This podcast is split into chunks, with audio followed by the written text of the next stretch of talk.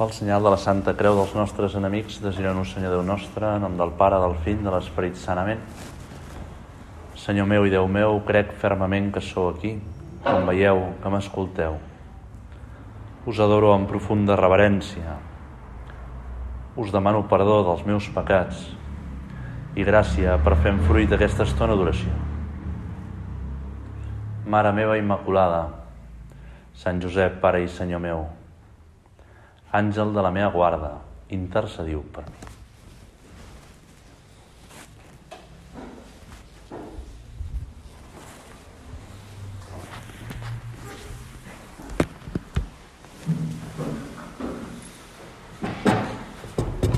Amb la vostra llicència, sobirà Senyor sacramentat. És tradicional els dies de Setmana Santa o la setmana anterior, meditar les paraules que va dir Jesús a la creu. Fa molts anys se'ls deia el sermón de les siete palabres. Comença quan el Senyor l'estan clavant a la creu que diu la primera paraula. Tots aquells l'estan mirant, alguns amb odi, altres amb indiferència, i Jesús diu la primera paraula que és dirigida a Déu Pare. Pare, perdona'ls perquè no saben el que fan. Després dirà, mare, aquí tens el teu fill. Després li dirà al bon lladre, avui estaràs amb mi al paradís segueix el suplici durant hores i ja quasi a punt de morir diu una de les últimes paraules que és Déu meu, Déu meu, perquè m'heu abandonat? És l'extenuació, l'acabament, la, no pot més. És un salm que recitaven els jueus que acabava amb un acte de fe amb Déu però després ve una paraula que és una mica sorprenent. I és la que avui em volia fixar en aquesta estona d'oració. Jesús porta hores clavat a la creu. Són agòniques perquè cada pocs segons ha de fer força amb les mans, amb la poca força que té, per aixecar-se una miqueta per respirar. Cada vegada que fa força, una, un espasmo de, de dolor li recorre, li recorre tot el cos perquè el nervi mediano està pinçat per la, per, pel clau que li han clavat en el carpo, en els ossos d'aquí. I diu Jesús aquestes paraules. Tinc set. Ahir, i avui una altra vegada em sembla, a l'església de Sant Pere hi havia una exposició sobre la quarta copa els jueus, quan celebraven la Pasqua, bevien quatre copes. Mai menys de quatre copes de vi. En bevien una al començament, després en bevien una segona en el segon moment, una tercera, i expliquen que Jesús no va veure la quarta copa el dijous sant. Va acabar amb la tercera copa, que és la que va canviar la fórmula i va instituir l'Eucaristia, la, la, el calze la benedicció sobre el cas, la copa de benedicció, li diu Sant Pau. La quarta copa, que havien de veure al final, quan recitaven el sant final, el gran Halel, no la va veure. I diuen els autors, tampoc va voler veure vi quan li van oferir per portar la creu. I en canvi, ara, diu, tinc set. La quarta copa de la Pasqua la va veure Jesús al Calvari. Em volia fixar amb unes paraules que va dir un autor anglès que es diu Robert Benson, espectaculars, sobre el Tinc Set. Són una mica llargues i una miqueta profundes, qual que cada un faci el que pugui. Diu, termina la agonía del alma de Cristo mientras avanza la de su cuerpo cuelga en la cruz desde la mañana y ahora, bajo el ardiente sol del mediodía, Los minutos transcurren lentamente. Y como una marea de fuego aparece la sed del crucificado. Un tormento que, según se dice, es el peor de esta acerba forma de muerte. Hasta el momento, su clamor al Padre, Déu meu, Déu meu, ¿por qué me heu abandonat? Ha sido el punto culminante de la humillación de Cristo, quan s'ha sentit rebuig de Déu Pare, quan s'ha sentit que no podia més. Una petición de ayuda por parte de la sagrada humanidad abandonada voluntariamente. Su confesión al mundo de que la oscuridad invade su alma. Ahora baja el peldaño más profundo de la humillación y pide ayuda al hombre. Cristo pide ayuda al hombre. La ofreció durante toda su vida. Alimentó a las almas hambrientas y a los cuerpos hambrientos. Abrió los ojos de los ciegos y los oídos de los sordos enderezó las manos paralizadas y fortaleció las rodillas débiles. En pie, en medio del templo, llamó a los sedientos para calmar su sed. Ahora, por el contrario, pide de beber y lo acepta. En el secular calvario de la historia del mundo, Jesús clama pidiendo ayuda al hombre. El dador de totes les coses se humilla hasta la súplica. Nosaltres, en aquest recés mensual, preparació de Setmana Santa, estem davant del Jesús, del mateix Jesús que veien Maria, del que veia Sant Joan. Escoltem aquestes paraules. Tinc set. I Jesús les diu mirant-te a tu. Tinc set.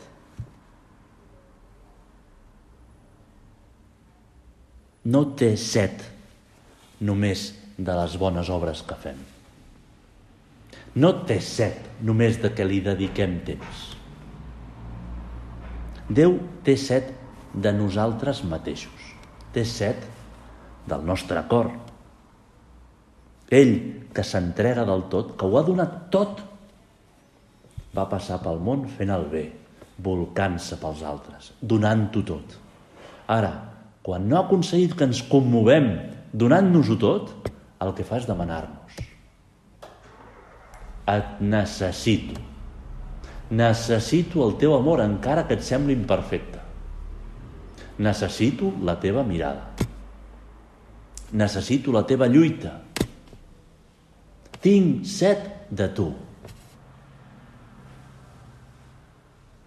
Si voleu algun dia d'aquests fer l'oració Busqueu a Google. I Thirst Madre Teresa de Calcuta. Trobareu una homilia de Tengo Set, que és la Mare Teresa de Calcuta, una, un sermó espectacular. I et transmet això, que Jesús ens demana ajuda, que Jesús necessita del nostre pobre amor, un amor que falla tantes vegades, Jesús, un amor dèbil, un amor que fa grans propòsits i no els compleix. Però els necessita Jesús. Tinc set de tu. Fins on arriba la necessitat que té Déu de nosaltres, que més enllà de tot el que pateix per commoure'ns, quantes vegades he, hem vist la passió de Mel Gibson i potser la tornarem a veure, no?, de Passion, i ens hem commogut. Arriba a suplicar-nos, a implorar-nos. No em donis només el teu temps. No em donis només anar al missa algun dia. No em donis només fer alguna cosa per mi. Dóna'm tu mateix. Dóna'm la teva vida. Dóna'm el teu amor.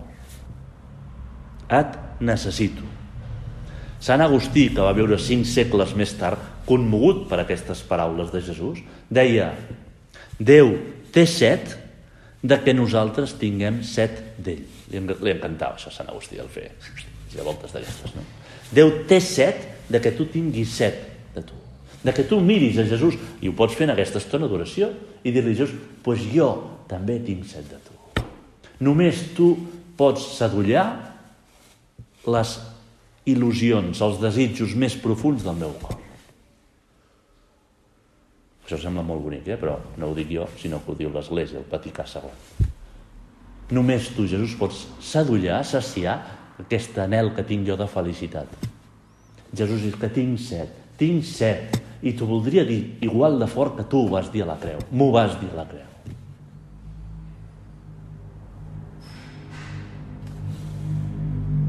Igual que Déu no ens dona una cosa, no ens dona la gràcia, no ens dona... Es dona ell mateix a nosaltres. Ens dona la seva carn, això ho veiem a la comunió. Veniu a mi, tots els que esteu cansats i afeixugats, i jo, i jo us alleujaré. També ens demana a nosaltres mateixos tot jo. No em donis quatre costums de pietat.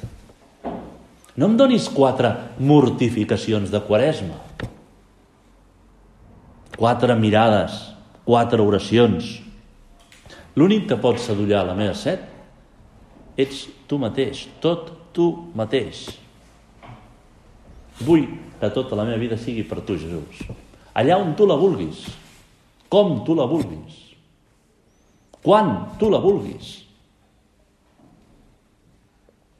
Tinc set, Escoltem ara que Jesús ens ho diu a cada un. Més enllà del patiment físic atroç, del patiment espiritual, el, del pes dels pecats, més enllà de la deshidratació, la set monumental, és molt més gran el desig de nostre Senyor Jesús, la necessitat amorosa del nostre cor, del nostre amor. Sí que és veritat que un soldat va punxar amb la seva llança una esponja, la va mullar amb vinagre i li va donar a Jesús i la va i la va sucar. Però Jesús ens està dient un contingut molt més profund, és que el meu desig de tu arriba fins a l'entrega més fina, més absoluta. El meu desig de tu. Explicaven l'anècdota un mossèn que en un viatge de tren d'aquests trens antics, no sé si els heu vist, però eh, no és l'AVE. Eren uns trens que, que tardaven 9 hores, 8 hores, fins a Madrid, no? Madrid-Barcelona, no? Hi havia un compartiment davant corregut que se sentaven normalment tres persones, a vegades quatre. I aquest mossèn li va, anar, li va tocar anar a un compartiment una miqueta ple de gent, no? Hi havia un senyor gran, una senyora, no sé què, i hi havia una noia jove, senyora jove, amb un nen petit en braços, que es notava que era el primer fill perquè la dona no tenia gaire experiència. No? Total, que al cap de al cap d'una estona de, de tren, de, de viatge, el nen petit es va posar a plorar. Llavors, tots els del compartiment pues, anaven fent broma. Oh, mira, no passa res, senyora, no es preocupi. La senyora començava a moure'l, començava a fer coses, i, però a poc a poc el nen plorava més fort i no hi havia manera de calmar-lo. Quasi, quasi la senyora que quasi, quasi surt per la finestra el nen. Llavors la gent va començar a, a, a, a posar-se nerviosa, a cansar-se, a estar més amargada. I, si hem d'anar fins a Barcelona amb el nen plorant, doncs arribarem a un mal de cap terrible. No? El mossèn també havia dit alguna cosa, tal, però a més començava a dir, jo, pues, ja. Fins que al cap de 5-10 minuts de que el nen ja plorava desconsoladament, la senyora va tenir una idea mata. Va agafar el bolso, va obrir, va treure una ampolleta d'aigua, la va obrir, li va donar un glop al nen i el nen pst, es va adormir.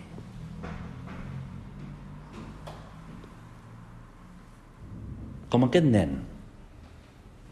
Jesús té set Jesús plora per mi. No hi ha res que el pugui calmar més que el meu amor. Només el meu amor pot sedullar la set que té Déu. I és bo que aquesta estona d'oració nosaltres ens situem, com ens va ensenyar Sant Josep Maria, al peu de la creu, i mirem a Jesús i escoltem aquestes paraules. Jesús ja hi porta moltes hores a la creu, D'aquí poc el seu cor esperarà. Mirant-me a mi, mirant a tu, ens diu, tinc set. Sabem que estàs, Jesús, a la creu per tots els homes, per portar al cel a tots els homes, donant-nos la gràcia de la filiació divina, donant-nos vida sobrenatural. Però és cert, és que em mira a mi. Mentre diu aquestes paraules, em mira a mi. Han explicat l'anècdota d'un tio que va anar al cine i era una pel·lícula d'aquestes documentals d'un tsunami a l'Àsia. No sé exactament on, no? Però molt real, molt real. I terrible.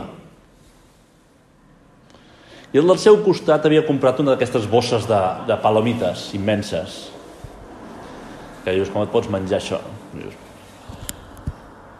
I mentre anava mirant això, el tio anava menjant palomites i de tant en tant deia, terrible. Quin dolor. Quina desgràcia. Terrible. Fins que al final del costat li va dir Sí, terrible, però que bones estan les palomites, eh? Terrible, però que bones estan les palomites. I deia, això és el síndrome de l'espectador. El síndrome de l'espectador és aquell que mira Jesús, que pateix a la creu per ell, i diu, terrible, terrible. I agafa amb la mà les palomites. Però que bones les palomites, no? Potser ho podem pensar. Tu, Jesús, has mort a la creu per mi. Ara estic davant teu fins a quin punt me n'adono que ho fas per mi? Fins, que, fins a quin punt se'm remou el cor? Fins a quin punt se m'ha remogut aquesta quaresma amb els sacrificis i he decidit acompanyar-te? I puc pensar, Jesús, com puc correspondre? Com puc sadollar aquesta set que tens tu? Igual que el soldat romà punxa amb una esponja la llança Mulla el vinagre i l'acosta a la seva boca. Com puc jo ara ser el que s'acia la set?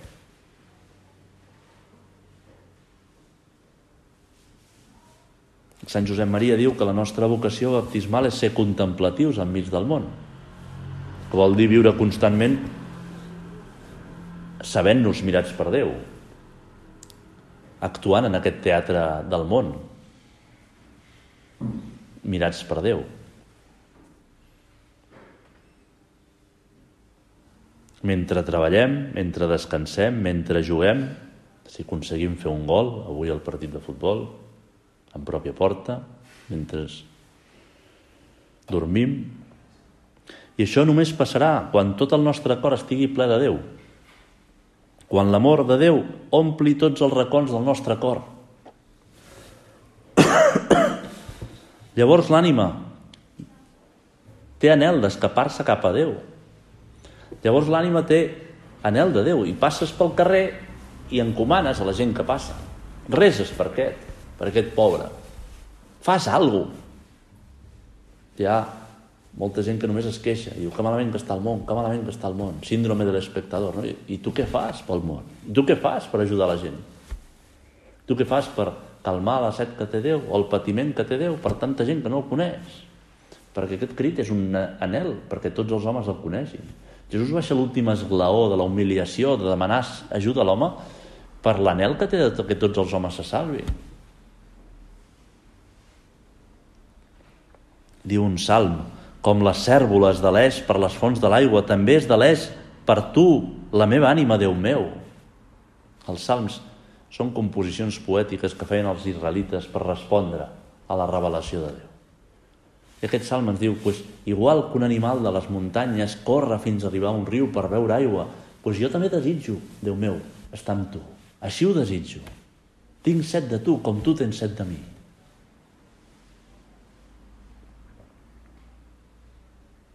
Fa un temps anava a celebrar missa al matí fora.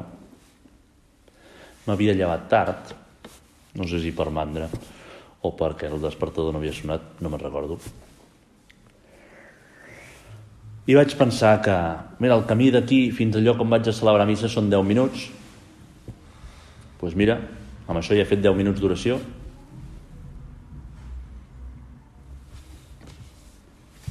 pues res, abans he aconseguit fer 10 minuts d'oració, doncs quan acabi la missa, després de l'acció de gràcies, em quedaré a l'oratori 10 minuts més i ja hauré fet la mitja hora que tinc decidida fer cada matí d'oració. No?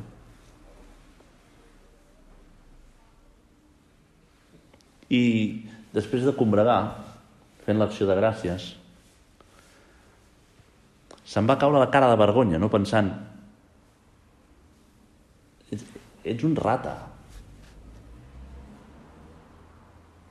Jesús que ha mort per tu, Jesús que t'ha donat la vida per tu, Jesús que, que, que busca el més important com tu i tu li dones a Jesús les, les, les, el que et sobra. Rastrojos. Els residus.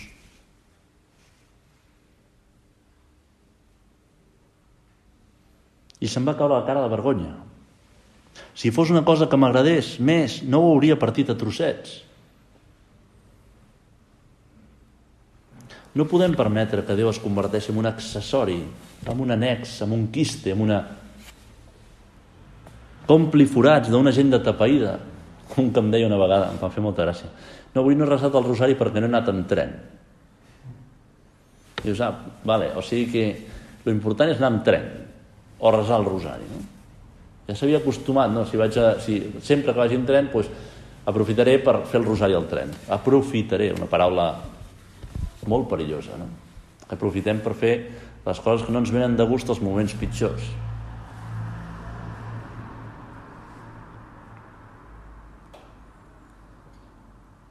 Perquè l'amor de Déu ens ompli, hem de dedicar temps de qualitat, oració. De fet, ara ja estem preparats per escoltar la cita completa de Sant Agustí. Déu té set de que tu tinguis set d'ell. Comença amb una frase abans. Diu, ho sàpigues o no, l'oració és la trobada de la set de Déu i de la set de l'home. Déu té set de que l'home tingui set d'ell. L'oració és la trobada de la set de Déu i de la set de l'home. I podem pensar-ho. Jo quin és el meu anel de fer l'oració ben feta? D'estar estones amb Jesús? Quin és el meu anel? Quin és el meu desig? Què sóc capaç de fer per aconseguir que em surti bé l'oració, per correspondre al, al desig de Déu de mi? Ens, ens ajuda Jesús veure el teu anel per nosaltres, ens ajuda a veure la creu, certament. Ens ajuda a veure't el sagrari, que t'has quedat per amor. Ens ajuda a ser conscients de que ens estàs mirant i no tenir el síndrome de l'espectador.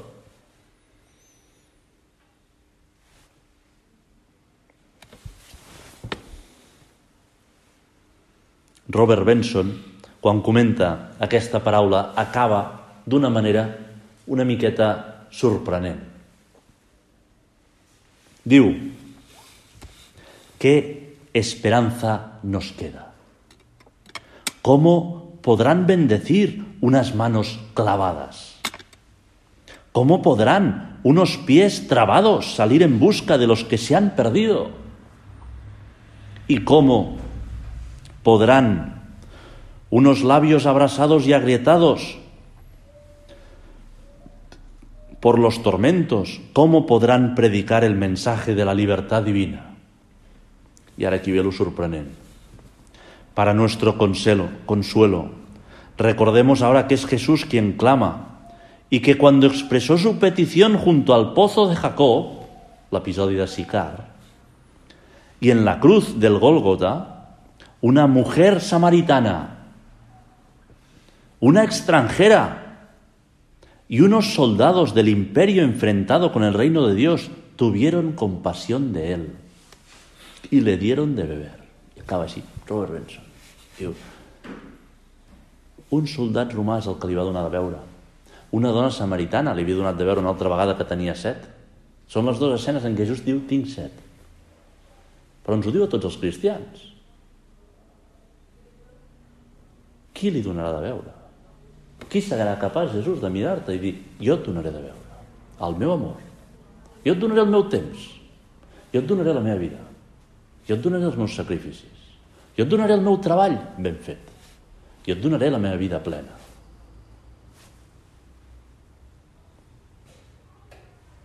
Les dues persones que donen de veure Jesús són estrangeres, són de lluny. El missatge de Jesús anava dirigit als jueus i en canvi els que consolen Jesús no ho són. També nosaltres a vegades ens podem sentir una miqueta estrangers. Jo no sóc el mossèn, jo no sóc no sé què, jo no, sóc, no tinc grans formació. Dius, però tu pots consolar Jesús. Però tu pots consolar Jesús com aquest soldat romà i aquesta dona samaritana. I a vegades el nostre estat tenir, Jesús també ens... Jo que tinc aquestes debilitats, jo que sóc tan fluix, jo que tinc aquests pecats, jo que tinc aquestes coses, tu pots consolar Jesús. Tu pots sadollar la set de Jesús si tornes a lluitar, si tornes a aixecar-te, si tornes a proposar-te les coses.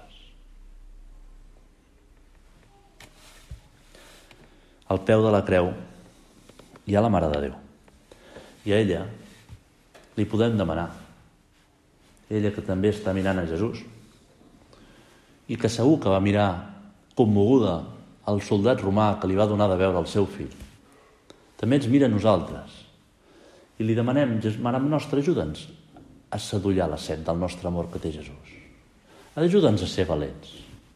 Ajuda'ns a no quedar-nos a la perifèria a no quedar-nos amb el síndrome de l'espectador. Ajuda'ns a mirar el teu fill i a, donar, i a intentar saciar, saciar, sadullar la seva set. Amb el nostre amor, amb la nostra vida, amb les nostres debilitats, que tornem a lluitar, que, tornem a, que les oferim i tornem a esforçar-nos amb tot el que tenim.